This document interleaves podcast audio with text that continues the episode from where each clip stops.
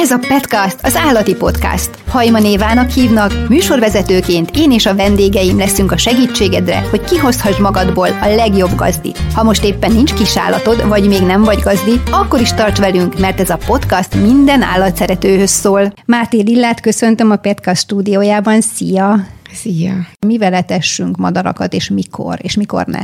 Nagyon jó kérdés. Ebből egyébként madaras körökben azért vannak viták, nem is kis viták, ami jelenleg a standard és elfogadott, hogy a téli időszakban ajánlott őket etetni. Nyilván azok a magkeverékek, meg azok a kis összeállított mondjuk cinege golyók, amik elérhetőek, ezek általánosságban szuperek, bár amire érdemes figyelni, hogy például ez a kis háló, amiben belehelyezik a cinege golyót, ez veszélyt is jelent, tehát a kis lábuk például beleakadhat a kisebb madaraknak. Akkor és inkább is... tegyünk ilyen hálósat? Azt mondod? Én, én úgy csináltam egyébként, hogy a madár etető nekem volt kihelyezve az erkélyre, és a szélekre tettem például cinege golyókat is. De ki, kibontva a hálóból? Így van, kibontva a hálóból, és magokat is mellé. Volt, amikor nyilván a felfüggesztés, meg fára nehéz máshogy tenni, de egy ilyen kis drótra is át lehet őket szúrni, fel lehet akasztani. A tiszta víz is nagyon fontos, hogyha már az etetés, akkor azt, hogy például télen, amikor ugye megfagy minden, akkor naponta cserélve legyen neki kitéve friss víz, hogy tudjanak folyadékhoz is hozzájutni, és lehetőleg olyan védett helyen legyen kihelyezve mind az etető, mint az itató, ahol nem lesznek például karvaj prédái az állatok, mert ugye, hogyha nyílt én az erkély közepére, vagy egy, nem tudom, a, az udvar, a, közepére, udvar ami közepére, le van nyírva, ugye? így van, kitesszük a madáretetőt, akkor lehet, hogy szemet gyönyörködtető, hogy ott a sok kis madárka, viszont annak is szemtanúi lehetünk, hogy egy karvaj ezt észrevesz, és elkezdi ezeket a kis énekes madarakat begyűjteni, ami szintén természetes folyamat, szóval én nem hibáztatom a karvajt, de hogyha nem karvajt szeretne etetni valaki, akkor erre érdemes azért figyelni. Etetésileg ugye többféle madárka van, vannak rovarevő madárkák, akik az etetőre jönnek, vannak magevő madárkák is, vannak, akik bármit is elfogyasztanak nyilván. Tényleg bármit, nem tudom, tehát maradékot, kukoricát. Hát megenni azért például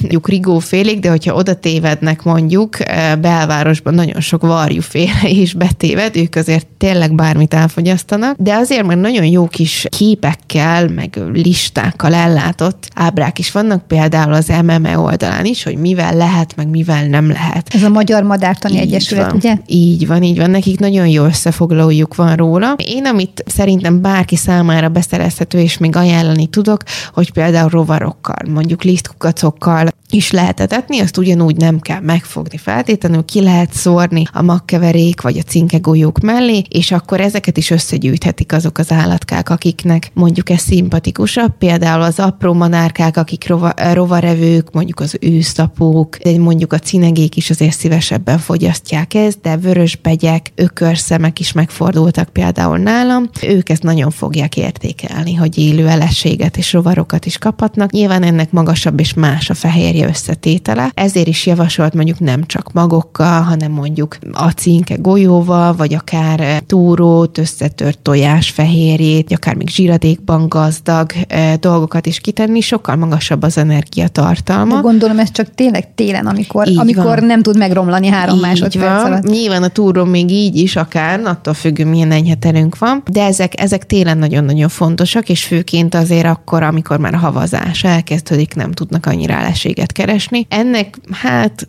talán ilyen november végétől, november elejétől mindenféleképpen jelentősége van, és a viták abból származnak, nyilván ez a mitetessünk, ez általában azért nem vitás, mert erre megvannak a, a standardek, már otthon elkészíthető ilyen kis, azt hiszem, kókusz e, zsírral szoktak ilyen összegyúrmázni, például olajos magvakat, amiket szintén vitat mindenki, hogy most akkor ez természetes, nem természetes, hogy ütő ehhez hozzá, mert hogy kókusz, de azért úgy gondolom, hogy ártani nem lehet az ilyenekkel. Viszont a nyári etetés, meg a tavaszi etetés az már egy olyan eh, téma, amit pont a, az MME nagyon-nagyon eh, nem javasol, mivel fiók a szezonban találkoztak már olyan problémákkal, hogy eh, például cinegéknél kiemeltem, hogy ők magukkal kezdik el a fiókákat rovarok helyett, és a fiókáknak ugye, akiknek rovarokra lenne szüksége, ez akár elhulásig vezető problémát is okoz, mert nem tudják leemészteni a magokat, a maghéjakat, megakad tulajdonképpen az emésztő traktus hát vagy akár már a szájüregbe is ugye megfulladnak szegények tőle, vagy az emésztőtraktus további szakaszain, és akkor így fészek, aljak pusztulhatnak el tulajdonképpen emiatt, és ők ugye emel, hogy ez, ezért küzdenek, hogy ne legyen uh, madáretetés a későbbiekben, hogyha véget ért ez a téri időszak. De én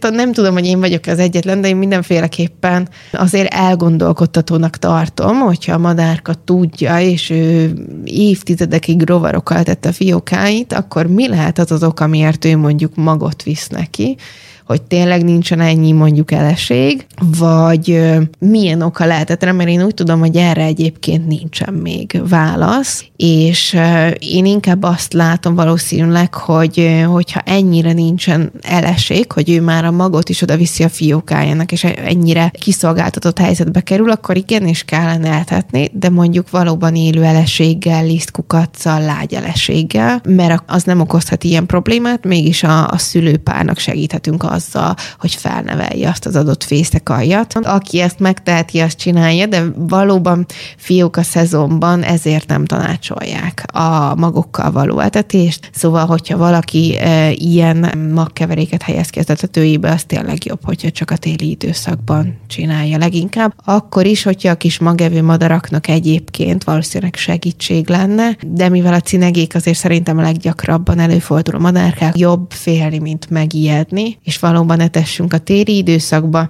Ez volt a Petcast, az állati podcast. Köszönöm, hogy velünk tartottál. Kérlek, lájkold az adást és iratkozz fel a csatornára, így nem maradsz le a következő epizódról sem. Mert tudod, gazdiként mindig vár valami új kihívás. Várlak vissza én is szeretettel.